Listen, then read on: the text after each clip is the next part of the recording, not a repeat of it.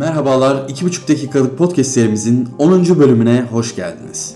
2023 senesinin son bölümündeyiz. Bugün konuşacağımız konu yaşamadan ölenler ve sürekli erteleyenler. Doğduğumuz yer, ailemiz, kültürümüz. Bunların hiçbirini seçme şansımız yok. Hayatın bu başlangıç noktaları bize verilmiş olanlar. Ancak hayatımızın geri kalanını nasıl şekillendireceğimiz büyük ölçüde bizim elimizde.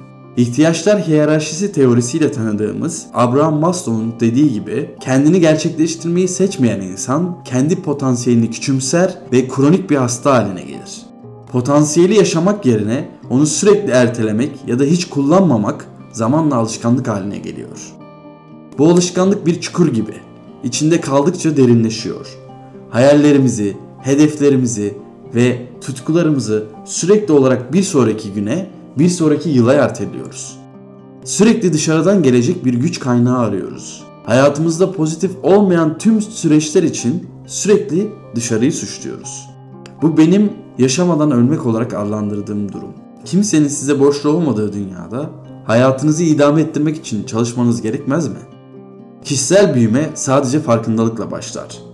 Değişim ve adaptasyon bilinçli çaba ve eylem gerektirir. Bizi ertelemeye, vazgeçmeye iten ne varsa fark etmeli, potansiyelimiz olduğuna inandığımız, denemek istediğimiz her şeyi kendimize istikrarlı ve dengeli bir yolculuğa dönüştürmeliyiz.